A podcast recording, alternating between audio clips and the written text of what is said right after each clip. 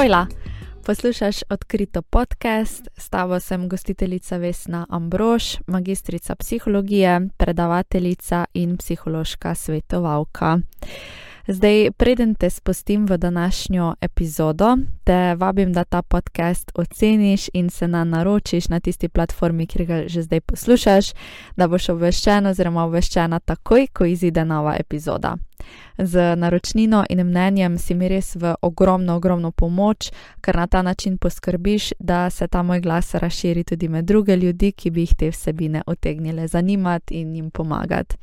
Noro vesela in hvaležna sem tudi, ko poslušanje epizode podeliš na svojem Instagram storju, pri tem pa prosim ne pozabi označiti z afna odkrito podcast, da te lahko sploh najdem in pa pošeram tudi na svojem profilu zdaj pa gremo v samo epizodo. Hej, um, jaz sem se za danes odločila za to našo 41. epizodo odkrito podcasta, da bom pravzaprav podelila svojo zgodbo uh, negativnega odnosa do hrane in pa do telesa. Uh, zdaj že nekajkrat, ko sem ponudila možnost anonimnega zastavljanja vprašanj, se je med drugimi pojavilo tudi to vprašanje, ne, a sem tudi sama se kdaj bojevala z temi težavami, zaradi tega, ker je to tudi področje, s katerim večinoma oziroma največkrat delam. In nisem se nekako čutila do zdaj, do pred kratkim, da bi sploh nekako govorila o teh težavah. Zaradi tega tudi večinoma na to vprašanje nisem odgovarjala, sem pa tu pa tam na kakih podcestih oziroma pač drugih dialogih nekako podelila tudi svoj vidik tega, kaj sem doživljala, nikoli pa nisem šla v bistvu v um, take izredne detajle, tako da bom šla danes, ker uh, tako kot sem povedala, pač ni bilo mogoče še, ni bil mogoče še ta moj čas, da bi to zgodbo tudi podelila. Uh, tako da sem se odločila, da danes pa bo nastopil ta dan. Um, v, glavnem, ko sem razmišljala o tej epizodi, sem tudi najprej mislila, da uh, se bom poskušala ful pripraviti, pa sem se potem odločila, da bom malo tako. Um, freestylala, da bom poskušala, koliko se da, nekako res iz svojih misli in iz svojih izkušenj, tako kot se jih spomnim, vse skupaj um, pripovedovati, kar je veliko boljše, da organsko steče ta monolog, kot pa da bi, da bi nekako zelo hudo se uh, pripravljala na to epizodo, pa pisala neke istočnice. Tako da. V glavnem, uh, če začnemo kar na začetku, kjerkoli že to je, uh, jaz bom mogoče začela v obdobju gimnazije. Zdaj sem trenutno stara 25 let, so se pa te težave z negativnim odnosom do hrane in pa do telesa pri meni začele kazati najbolj izrazito nekje v drugem letniku gimnazije, se pravi nekje pri 15-16 letih. Mm, zametki tega nekega takega v bistvu, odnosa do hrane, da je bil malo bolj nestabilen, so se kazali že v bistvu, ko zdaj pomislim za nazaj, ne, že v osnovni šoli. Um, neka taka želja je bila vedno po večji vidkosti, oziroma veliko krat sem se primerjala, primerjala svojo postavo, primerjala svoj izgled s tem, kako so tudi izgledale moje sošolke, recimo, oziroma moje prijateljice. In uh, vedno sem si nekako želela um, bolj dolge noge, pa bolj vitke noge, pa bolj vitek trebuh, pa bolj vitke roke. Um, tako da, ampak to nikoli ni, nekako ni prešlo v poskus neke diete v osnovni šoli ni, nisem v bistvu bila na taki točki, se je pa pol a, zadeva začela spreminjati ob mojem vstopu v gimnazijo, se pravi nekje v drugem letniku gimnazije. A, se pravi, to je kar že nekaj časa nazaj. Um, in kot 16 let stara dijakinja ene izmed koroških gimnazij. Uh, sem se v času novega leta, se pravi, ko je nastopilo novo leto, prazniki so se uh, končali uh, in sem se na podlagi nekih Instagram trendov, a ne New Year, New Me, tudi sama uh, odločila, da bom svoje življenje popolnoma spremenila. To se res tako spomnim, da sem razmišljala, ok, to je pa zdaj nov začetek, svež začetek in s tem bom tudi jaz spremenila način, kako živim. In pač poskušala prvič v življenju res doseči tisto neko vitkejše telo, ki sem si ga želela. In to je bil res en tak nov začetek, novo poglavje, ampak mogoče ne takšen, kakor sem na kakršnega sem tudi upala, no, da, bo, da bo pozitiven, da bo fajn, ampak je bilo kar pestro. No.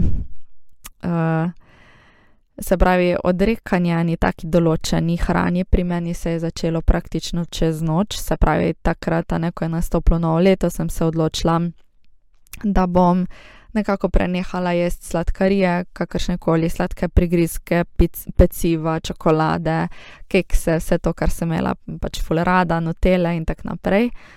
Um, se pravi, ni presenetljivo, ne, da sem za svojega seznama prehrane črtala praktično čisto vse vire oglikovih hidratov, pač skoraj vse vire mlečnih izdelkov, ker sem pač nekje prebrala ne, na uh, teh člankih na internetu, da z izogibanjem tem izdelkom boš pa ti izgubila full telesne maščobe in tako naprej. Ne? Tudi številni YouTuberi, pa drugi neki veri so obljubljali, da se bo to tudi zgodilo. Uh, in tako sem v bistvu zaplavala v nek tak širok ocean in hkrati brezno dietne kulture, ki um, pa sem ga nekako tudi podprla um, z vsakodnevno vadbo. Zdaj jaz sem v bistvu začela že uh, z high intensity interval trainingom, zaradi tega, ker sem pač nekje tudi prebrala, ne? da um, je ta hit, a ne hit vadba, se je reklo, oziroma se reče še vedno, verjetno. Um, zdaj, ful nisem več v teh vodah, tako da zdaj, ful ne vem, kaj je pač popularna vadba za zdaj, ampak takrat je bila to hit vadba, ker je tudi obljubljala neko od. Um, najbolj uh, učinkovit pristop, hkrati je najmanj časa od mene zahtevala, ampak hkrati zelo visoko intenziteto in na podlagi tega kao tudi neke vrhunske rezultate, ne uh, topljenja maščobe, tudi potem, ko že nehaš telovaditi in ne vem, kaj še vse. To ima zdaj res tako specifično v glavi, ker se še ful spomnim tega. Uh, in, a ne, ne bom lagala, bom odkrita, zato smo tudi na odkritem podkastu. Ampak v glavnem prvih nekaj mesecev, ko sem pač bila v tej restrikciji, pa ko sem telovadila in tako naprej, sem se res počutila ful dobro. Pač to je bilo ko v ekstazi. Prisežem, da se mi je zdaj vsak dan lepši ful neko upanje sem dobila, ko sem hodila od svoje hiše, to se še zdaj ful živo spomnim, ko sem hodila od svoje hiše pa do avtobusne postaje, ker sem pač čakala pol na avtobus, da je peljal do gimnazije. Tista potka je bila, um, na vsakih straneh so pač bila drevesa uh, in ena taka zelo lepa potka ob Dravi je bila v glavnem in takrat v tistem času se mi je kar zdelo, da je tista pot lepša, da kar cvetijo drevesa, da mi je kar vsak dan ful namenjen in ful čudno se pač sliši, ampak takrat je bil res kot en tak honeymoon, kot eno tako medeno obdobje. Eh, počutje se mi je zdelo, da je bilo boljše, in kar je bilo pa takrat mi najboljše, bilo pa to, da so začeli ljudje pač opažati, da se z mano nekaj dogaja, da se spreminjamo. Ne? in na dnevni ravni sem pol začela prejemati nekakšne komplimente glede svojega izgleda. V glavnem, v splošnem življenju se je zdelo fula lepše, pa lažje. Uh, in ti komplimenti, ker um, v glavnem, no, ti komplimenti so v bistvu delovali kot eno tako zelo intenzivno gorivo na že žareči ogen. Uh, in ko zdaj gledam nazaj, je bilo pač to tisto, končno sem opažena, ne končno me ljudje začenjajo nekako bolj, bolje sprejemati, mogoče bom celo prišla v tisto gimnazijsko elito, whatever that means. Um, končno sem vredna pogledov ljudi, mogoče me bojo končno opazili ne, na tak način. In zraven tega je pač prihajalo tudi eno tako mišljenje, da moram zdaj pač ustrajati, da moram double downati, da moram se še bolj truditi, pa res tukaj pač ne popustiti, zaradi tega, ker sem prišla tudi v ene take uh, prijateljske kroge, bom rekla, ko sem pač v njih želela priti.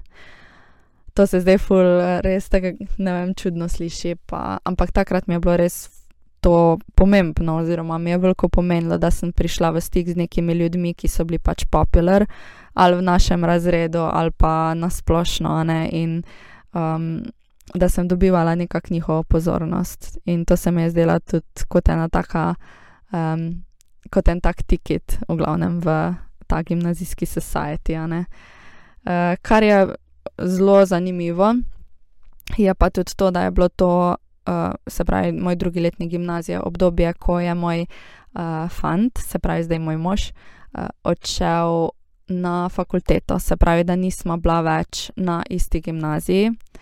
In takrat se mi je zdelo, da zdaj, ko gledam za nazaj, zopet, ne, da je bil en tak trigger to tudi, um, da ne vem.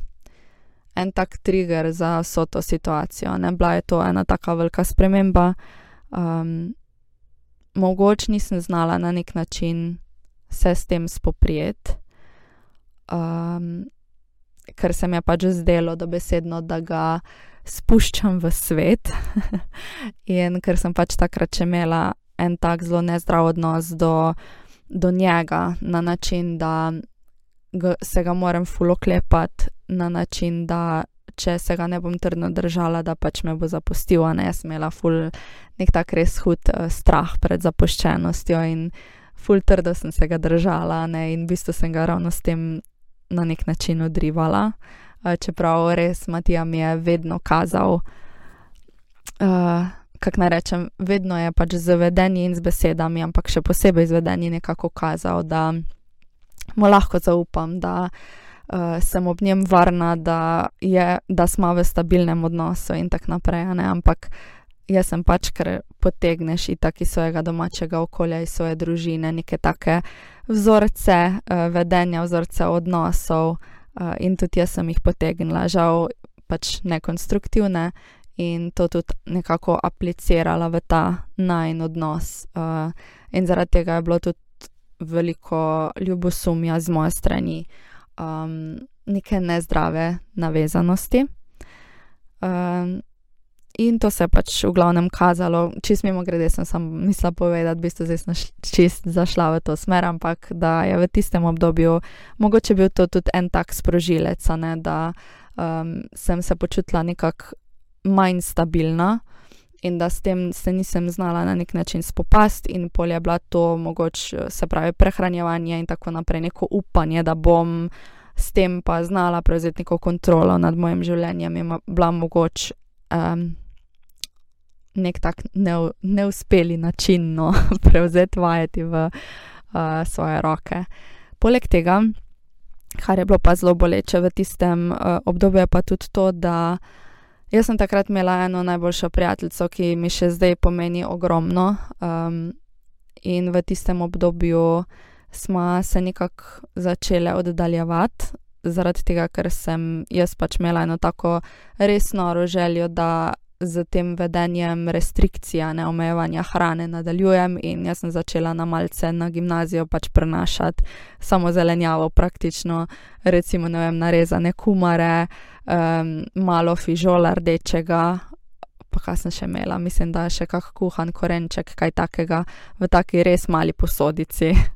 To sem začela na začetku nekako prenašati in ona je točno vedela, kaj delam, zaradi tega, ker je imela tudi sama uh, v. Ne bom zdaj preveč v to zabredla, ker je to njena zgodba, ne moja, ampak sama je imela tudi s tem težave in ona je po moje točno vedela, kaj jaz delam. Točno je vedela, v kakšno brezno se spuščam. In mogoče je bilo tudi to za njo kar boleče gledati. Uh, hotla jaz to vidim na način, da mi je hotla po eni strani pomagati in s tem, ko je pač morda povedala na nek način svoje mnenje, sem jo jaz hitro začela potiskati stran od mene, ker mi je bilo to ne, njena pomoč kot ena taka uvera na poti do doseganja nekega cilja, sanskega telesa ali whatever. In takrat pač smo se oddaljili. Tako da lahko vidimo, da je bilo veliko sprememb v tistem obdobju in že nasplošno pač prehod v gimnazijo, uh, izguba tistega tesnega prijateljstva in pa tudi to, pač, da se je najno razmerje z uh, Matijanom začelo. Ne, da je bilo nestabilno, ampak pač drugačno je bilo, ne, ker je šel on na faks. Uh, v glavnem, veliko je bilo nekih sprememb in mogoče, ne vem, ampak mogoče bi to ta negativen odnos do hrane pol tudi ena taka stvar na kakšen način sem se s tem spoprijemala. V glavnem, da gremo, uh, da gremo naprej v to, kaj se mi je v bistvu dogajalo na tem področju. Ne? Se pravi, takrat sem strajala za to restrikcijo hrane, krčila sem moj seznam neke zdrave, neke čiste hrane. Takrat sem res full teh člankov brala, ki so res zelo toksični, če zdaj za nazaj pogledam noro. Uh, Um, se spomnim, da sem recimo enkrat nekje prebrala, da je v redu, če ješ zelenjavo, recimo vem, češnjeve paradižnike, ampak če jih pa poješ preveč, pa tudi ni fajn, pa se lahko začneš rediti panenka, isto velja za sadje. Recimo sem nekje prebrala, da pač ima ful preveč sladkorja, nekako pa da ga ni priporočljivo to jesti, pač noro. In vse, to, vse te informacije sem jaz dobesedno srkala, srkala. In na tak način sem v bistvu krčila tudi ta svoj seznam zdrave hrane, kjer je bila tista hrana, ki sem si jo pač res lahko dovolila jesti, pa kjer ne. Um, vsakodnevno sem izvajala res full, full intenzivne intervalne treninge. Uh, in tudi čudno, vsako jutro pač prej, da sem sploh stala iz posle, se tako full živo spomnim, sploh ko je bilo poletje, uh, da sem popila tak liter pa pol do dva litra, jep, na tak na prazen želodec vode. Kao, to je bilo pod eno tako pretvezo dobre hidracije, um, ker sem to tudi nekje prebrala, v glavnem. Pa tudi verjetno je to služilo kot neka taka potlačitev lakote. Mm. Ja, noro. In ful se spomnim, ne, da je bilo v tistem obdobju, je bila hrana skozi v mojih mislih, res non-stop sem razmišljala samo na hrano, na to, kaj bom jedla, kaj bo moj naslednji obrok, um, kaj bo, ne, da bo v skladu z tem, da bo obrok zdrav, da bo ok, tako kot ga pač moram jesti, kdaj bom jedla. Da bojo dovolj razmaknjeni obroki med sabo. Nisem bila pa toliko uh, fokusirana na kalorije, ampak samo tako sem merkala, ne, mm, nekako na oko, koliko približno more biti česa na krožniku. Tako da, ful, uh, ful zanimivo.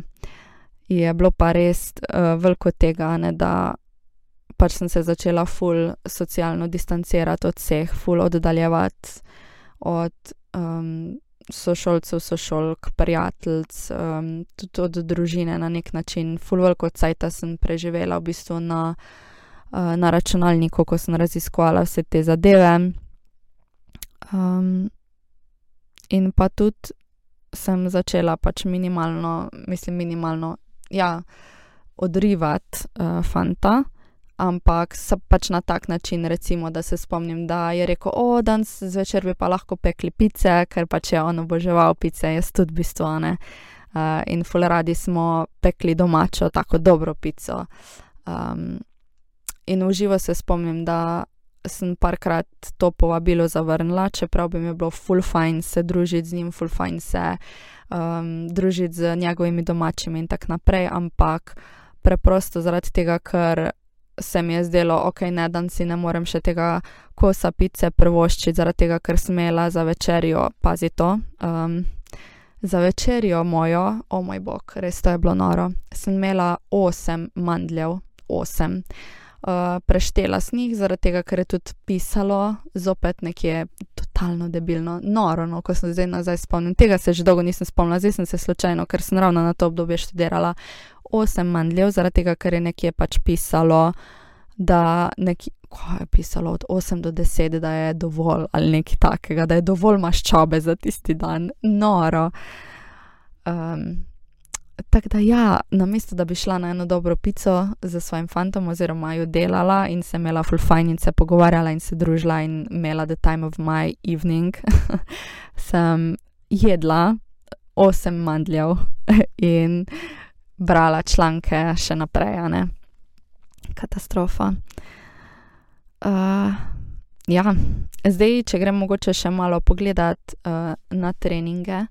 Zdaj, cilj teh mojih hit treningov je bilo to, da sem se tako zadihala, da se mi je praktično malo smotlo, a ne. Uh, vrtoglavica, konec treninga, uh, in pa, ful se mi je zdelo pomembno, da moram face švicati, uh, zato ker sem imela pač eno tako prepričanje, da če se nisem spotila na koncu treninga, da pač pa bila totalno živo rdeča, ful dihala uh, da sem dobesedno obležala na tleh, pa da me je ful peklo medtem, ko sem delala. Um, da takrat pač nisem dovolj delala, če me ni.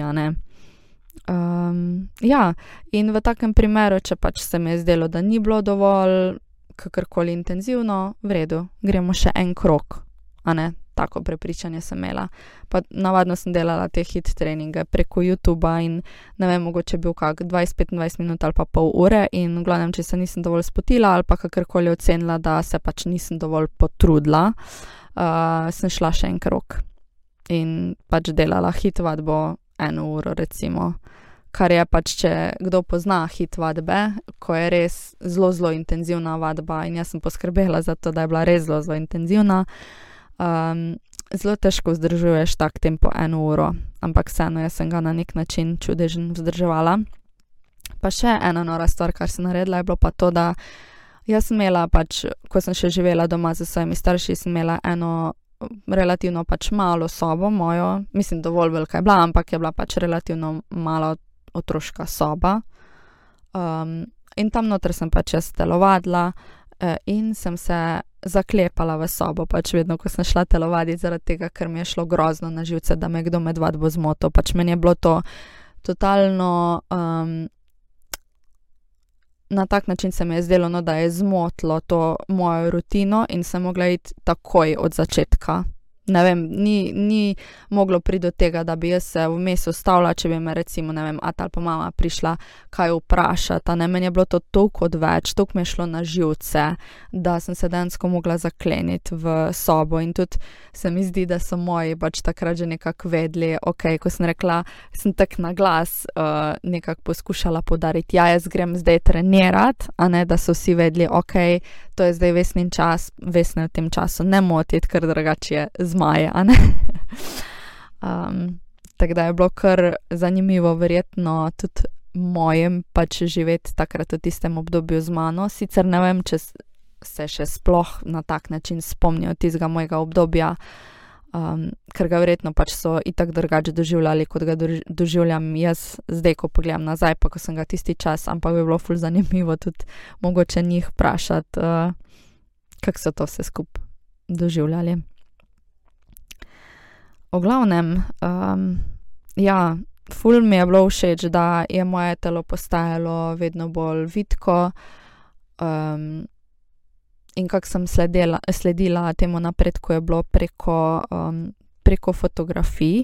Ful mi je bilo zanimivo, da se nisem v tistem času vagala, um, ampak sem v bistvu samo spremljala svojo težo preko pač fotografij. In uh, hranila sem pa take mapice na računalniku, da je bilo recimo, ne vem. Uh, februar, a ne marec, april, po mesecih sem hranila fotografije, zato da sem pač potem lahko primerjala, pa da sem videla, v bistvu, a se kilogrami znižujejo ali ne. Tako da, mm, še vseeno na nek način je bilo to torej nekako preverjanje telesne teže. Ja. V glavnem, vse, kar sem lahko počela, je bilo to, da sem razmišljala na hrano. In betjane, da sem bila sočasno v svojih najlepših letih življenja, praktično v razcvetu mladosti, bi lahko rekel, hkrati pa nisem zmogla razmišljati na nič drugega kot samo na hrano, samo na to, da bo moj naslednji trening. Um, tako da full beta, ne kot tako razmišljaš, da bi se mogla ravno v tistem času pač med full fine pa se družiti pa to, ampak jaz recimo nisem imela um, ene take sposobnosti niti slediti pogovoru za prijateljico res tako skoncentrirano, ker pač nisem mogla držati tiste koncentracije, pa tudi misli so mi skozi uhajale na hrano. Še zdaj se uh, spomnim, ko je bil uh, zelo zanimiv, ne, od uh, moje tašče 50 let, se pravi Abraham. Uh, in se spomnim, da smo šli pač na eno kočo in da smo se tam družili praktično cel dan.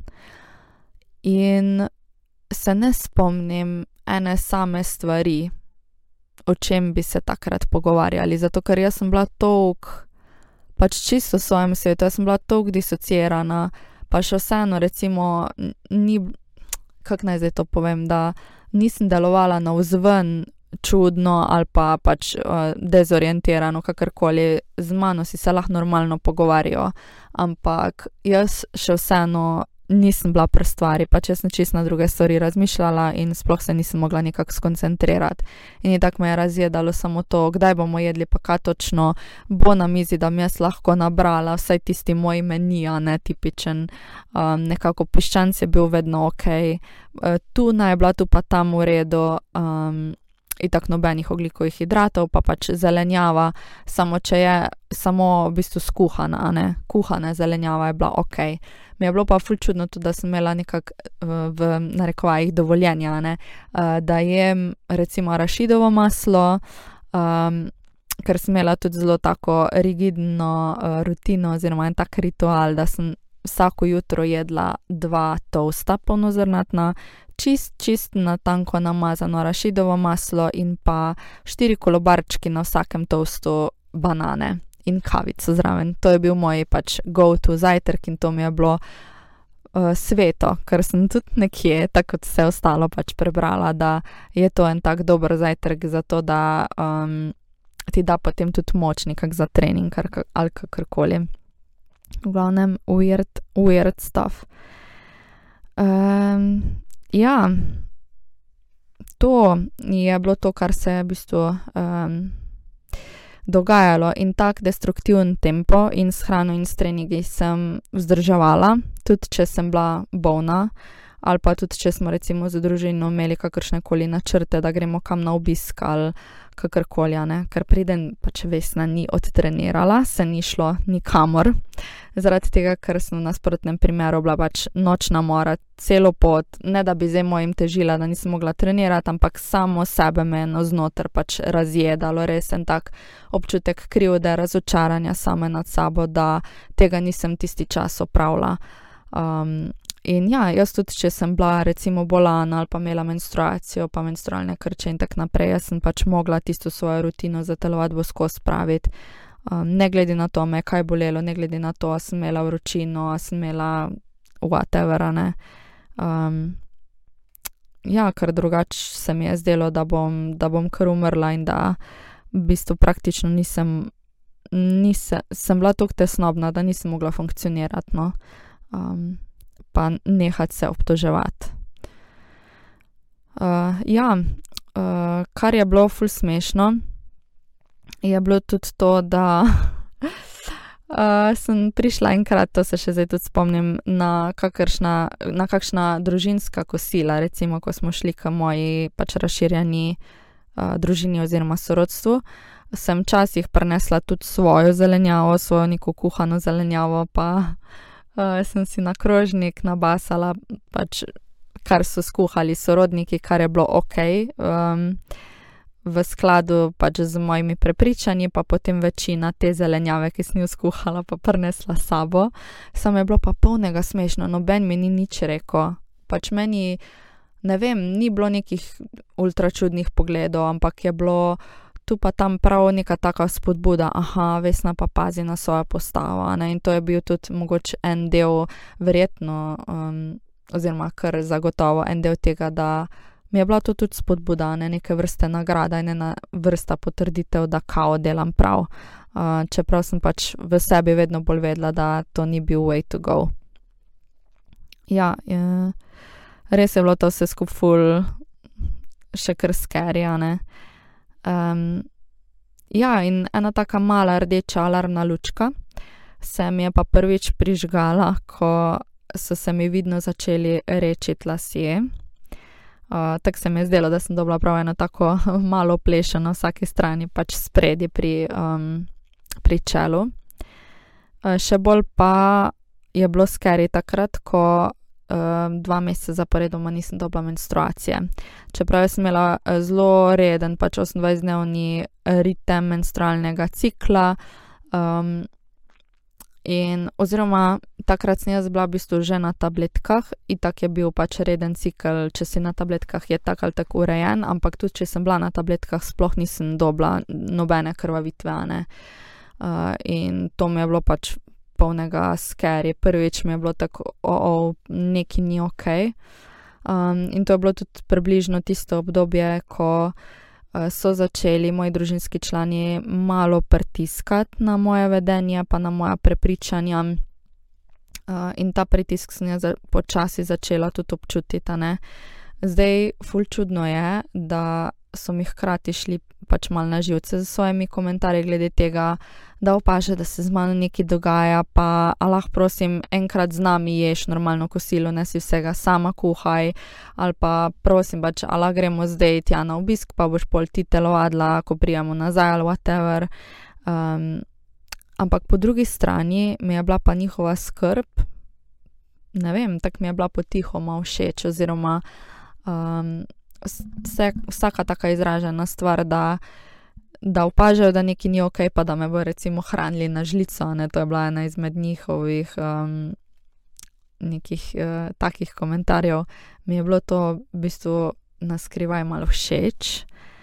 Um, ja, tako še posebej se uh, spomnim Atana ko je rekel, da me ne bo več dolgo gledal, kako hera, heram, pa da če bo potrebno, me bo tudi sam na žlico hranil, glavno, da me bo privezal k radiatorju in me bo hranil na žlico ali whatever.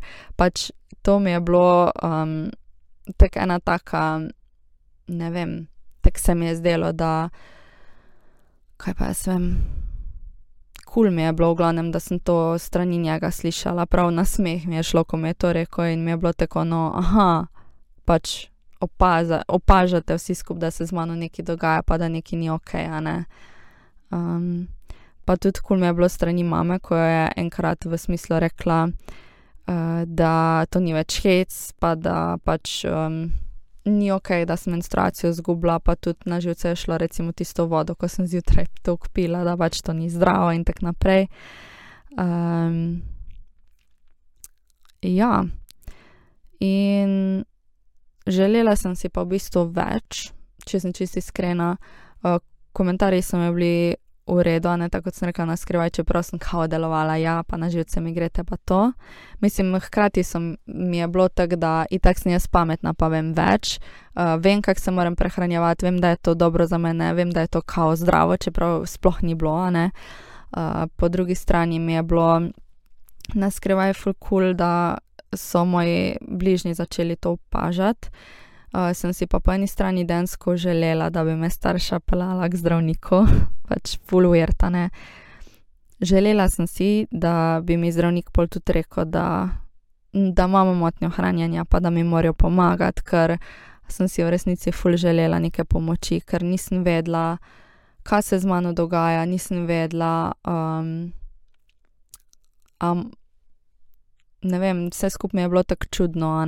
Uh, vedela sem, da ni normalno to, kar se mi dogaja, um, ampak hkrati pa nisem vedela, kaj se mi dogaja in je bilo pač to full scary. Nisem vedela tudi, da drugi obstajajo, ko imajo tako težavo in tako naprej. Ne vem, ful čudno mi je bilo, ampak nisem uspela sploh povezati, da je to, kar se mi dogaja, bi, bi lahko bila, ne vem, karkoli, ne, ortoreksija, anoreksija, whatever.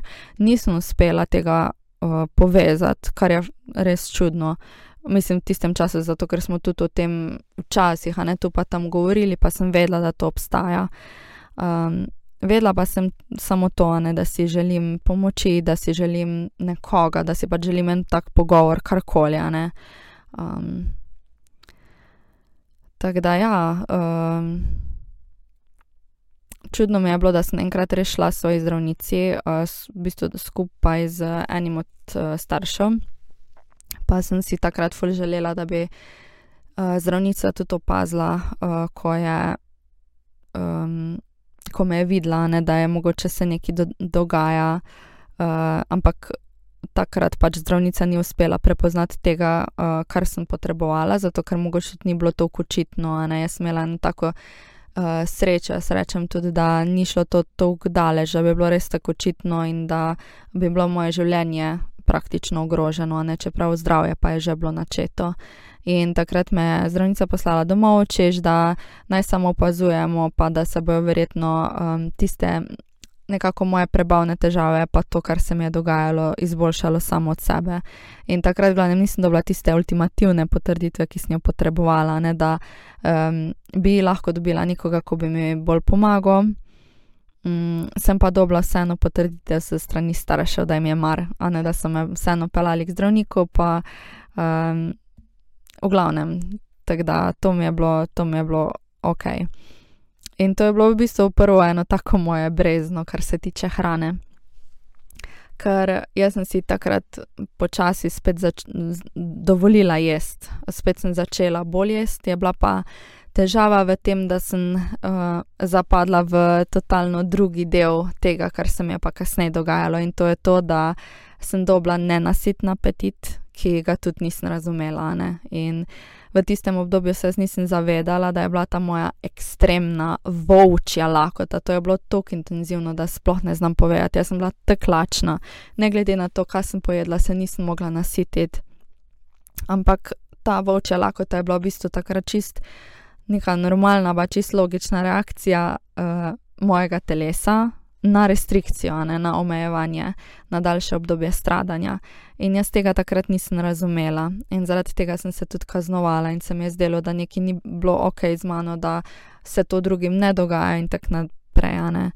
Um, in zato je sledilo tudi eno tako obdobje full prenajedanja in na to telovadbe, da bi izničila. Eh, te učinke, ki bi jih naj prenajedanje imelo na moje telo, ne? ker me je bilo ekstremno, ekstremno strah, da sem zaradi tega prenajedanja full, full zredila in zaradi tega sem pač iz panike potem šla uh, pretirano telovaditi. Um, in tudi hkrati, recimo, naslednji dan se stradati nekje do kosila ali pa še kasneje, da bi pač poskusila izničiti te učinke um, prenajedanja. Uh, Ja, in v tistem obdobju sem imela res en tak občutek, da bi lahko jedla v neskončnost. In tudi nisem razumela ljudi, ki so vzeli samo en košček čokolade. Recimo. Meni je bilo to, ko sem to videla, mi je bilo tako, kako je to sploh mogoče. Ne? Ker če drugih ljudi, recimo, ko smo bili na ne vem, kakem praznovanju, rojstnodnevnem ali kakorkoli, če zdelo se mi je, da če drugih ljudi ne bi bilo takrat zraven mene pri mizi, da bi pojedla čisto vse, kar je bilo na mizi ker pač sem imela občutek, da se ne bi zmogla kontrolirati nad hrano. Samo je bilo pa ful zanimivo, da v prisotnosti drugih sem se lahko ful dobro omejevala, nisem vzela nobene sladkarije, ni česar. Um, problem se je pojavil takrat, ko sem bila sama, ne? takrat sem pa v bistvu spustila uh, tiste vajeti, tisto kontrolo in v bistvu pojedla čisto vse, kar mi je prišlo pod roke, ne še posebej tiste moje izbrane neke um, stvari, kot so bile recimo Nutella, linolada, na žlico je bilo to krane, uh, čokolada, um, mogoče tudi kakšni keksi, pa kasneje v bistvu so bili tudi toasti, pa paštete, pa uh, kosmiči, mleko, vse v bistvu stvari, ne, ker v bistvu basala sem. Um, ja.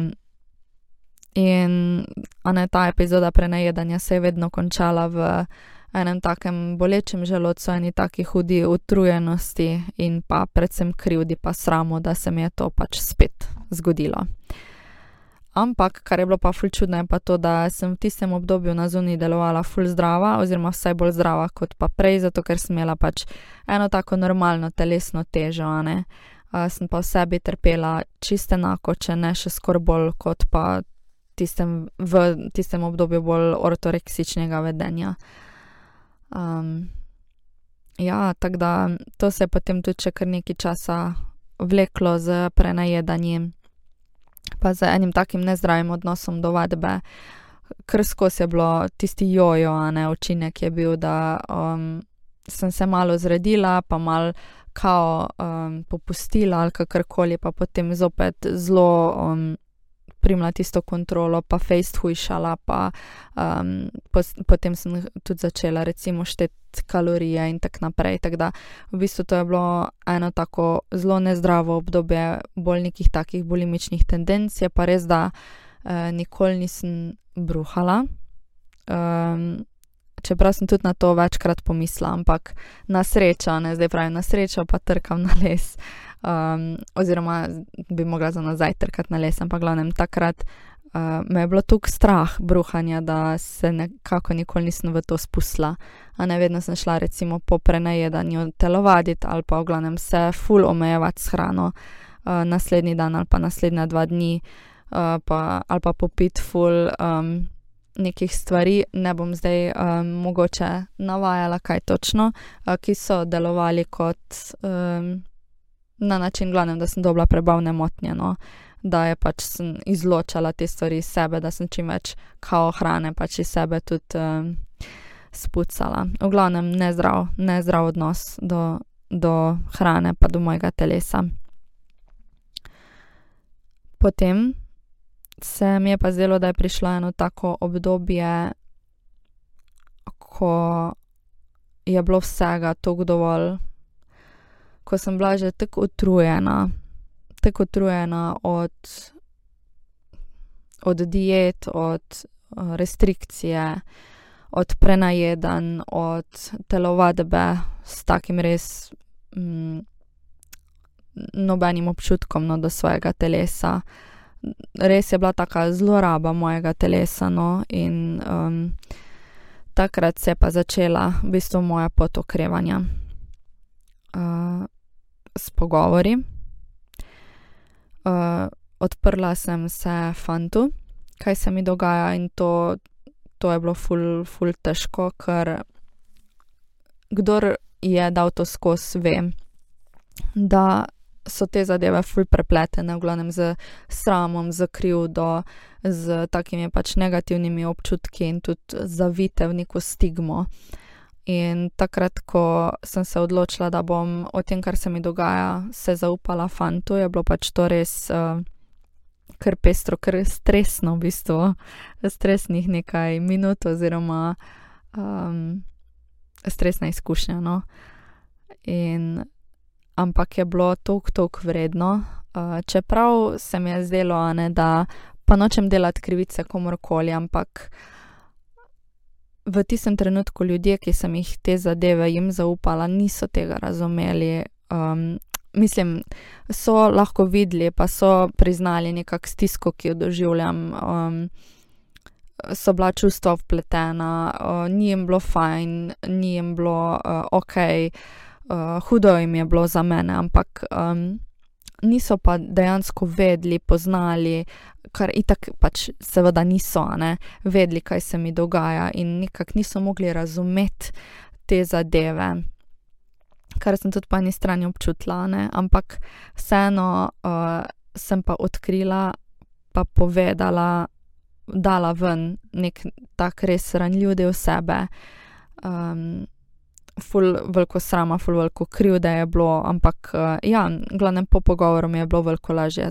In predvsem mi je bilo po pogovorih veliko lažje zaradi tega, ker so ljudje ostali.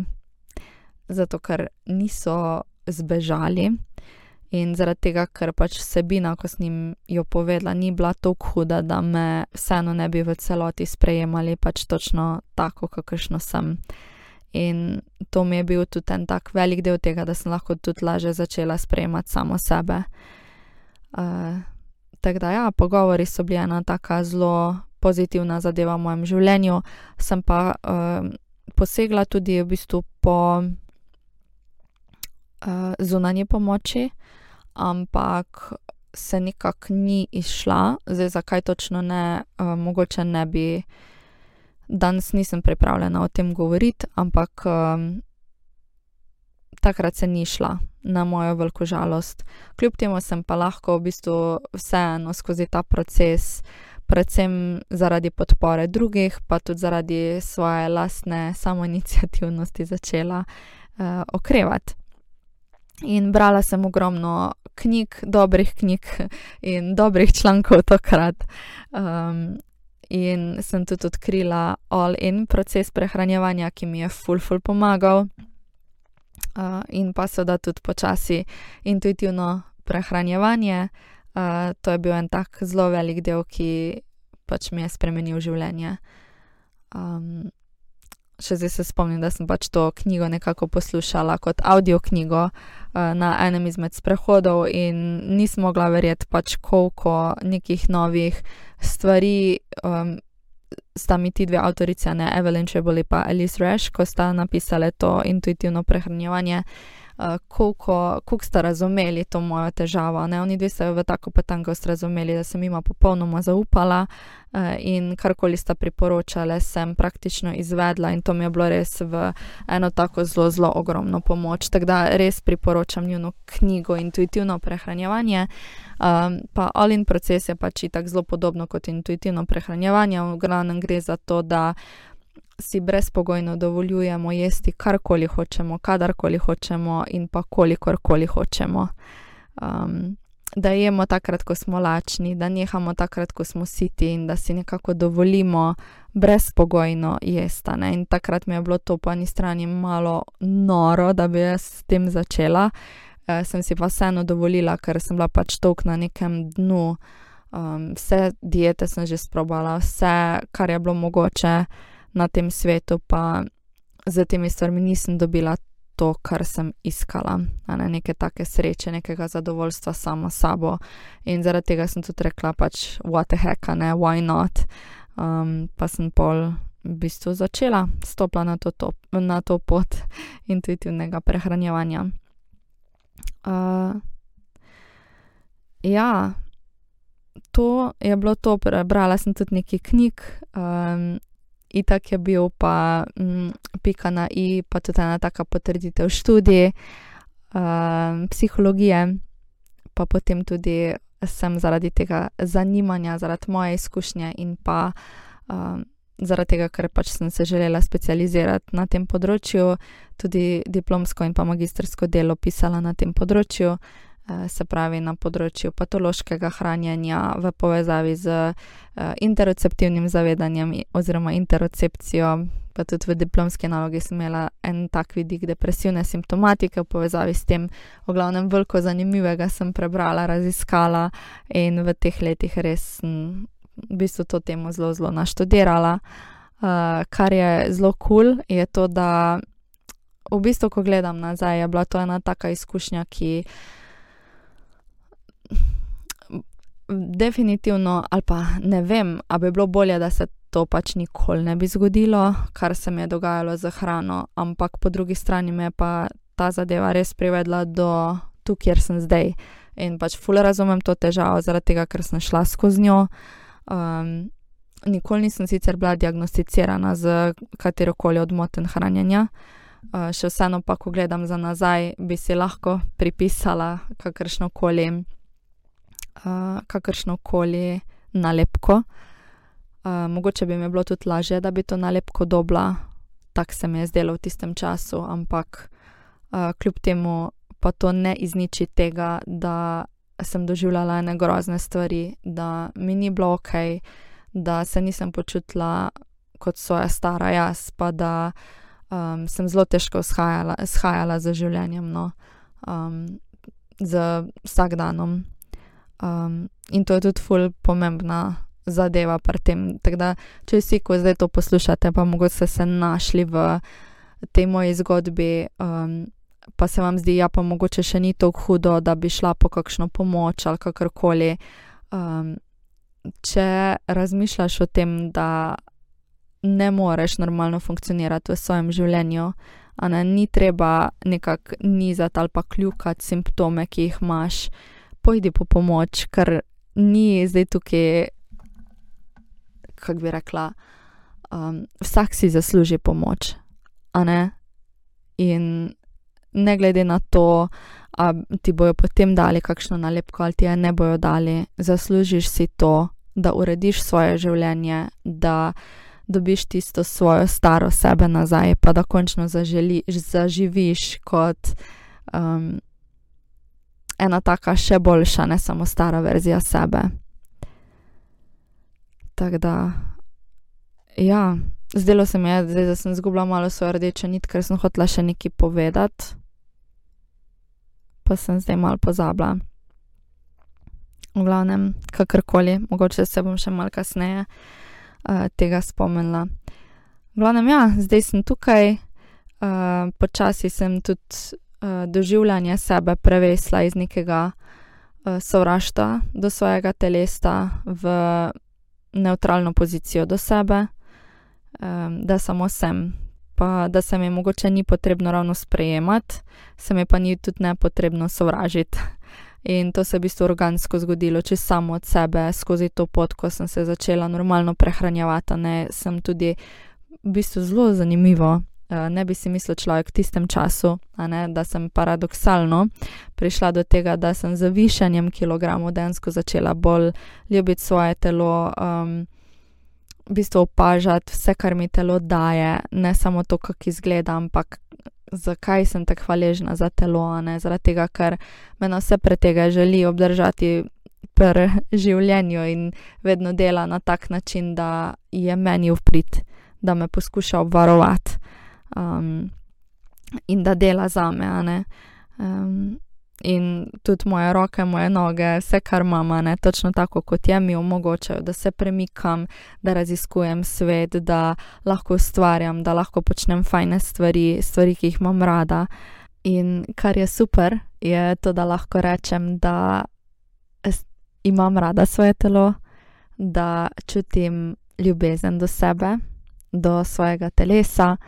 Uh, tako da sem prišla v bistvu do te točke, ko lahko končno to rečemo, da nimam samo neke neutralne pozicije do sebe oziroma do svojega telesa, ampak da se imam dejansko rada. In kar nekaj časa je minilo, pa kar nekaj trdega dela, da sem na tej točki, ko sem, ampak mi je tukaj res fajno. In se tudi v začetku sem se ful aktivno trudila nekako se obdržati na tej poziciji, zdaj mi je pa to pač že itak samo od sebe nekako avtomatizirano, za kar sem itak ful ful hvaležna. In s tem je hkrati prišlo tudi to, da sem se končno začela postavljati zase, da sem končno začela znati reči ne. Um, pa nekako delovati tako samozavestno v svetu, med eno tako odprto, pokončno držo, um, pa se ne bat zauzeti mesta na tem svetu, ne, se ne bat uh, smejati ful na glas, uh, povedati svoje mnenje, uh, izraziti svoje nestrinjanje. Um, in vse to, kar bi se opaše pod ta dežnik um, neke dežnik samozavesti, bi rekla. Uh, um, ja, vem pa, da je ta proces pač celotne zadeve zelo boleč, zelo naporen, prav izčrpajoč. Um, bilo je veliko, veliko uh, nekih pacev, še več na srečo sponov. Um, vseeno je pa mogoče, a ne mogoče je priti, je priti k sebi, mogoče je okrevati. Um, tako da jaz upam, no, da sem ti za to zgodbo morda tudi uh, malo dala za misliti, kak je, kak je situacija glede tega pri tebi. Um, v glavnem, če, uh, če pa si želiš tukaj kakšne dodatne pomoči, um, me pa lepo cukaj za rokav, pa stopi v stik z mano. V glavnem, to je bila na kratko moja zgodba. Uh, upam, da si danes uživala z mano. če te mogoče še karkoli v zvezi z to mojo zgodbo zanima, uh, mi lahko še pišeš, da še kaj v prihodnosti odgovorim. Zagotovo sem kaj spustila, zihar se nisem spomnila, kakšne pomembne tudi mogoče zadeve, ki sem jo najprej hotela omeniti, ampak sem res po eni strani hotela, da ta um, monolog steče čim bolj spontano, pa da um, res govorim pač iz svojega srca, kakorkoli se to čizi sliši.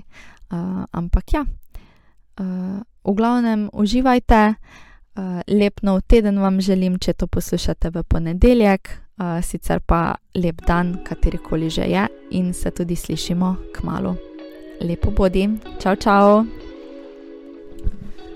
Preden te spustim, dokončno bi pa želela še samo to reči, da ja, jaz sem na podlagi v bistvu vsega tega znanja in pa vseh teh izkušenj tudi pripravila in pa lansirala svoje prve produkte, oziroma svoj prvi malo večji produkt na svoji spletni strani www.vesnambroz.com.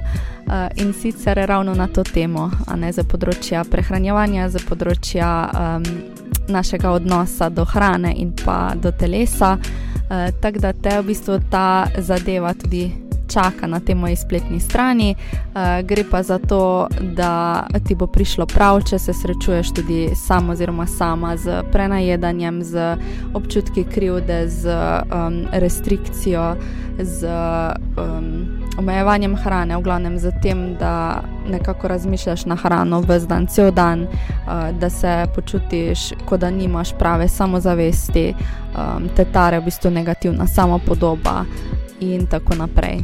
V tem primeru, če te mogoče to opisuje, je ta program tudi primeren za te. Jaz sem se vso to znanje, ki sem ga skozi uh, ta leta pridobila, pa tudi na podlagi svojih izkušenj, torej ta program Svoboda v prehrani, svoboda v telesu, um, ustvarila. Uh, sem pa posebej za vas ustvarila tudi en tak paket, ki se imenuje Svoboda.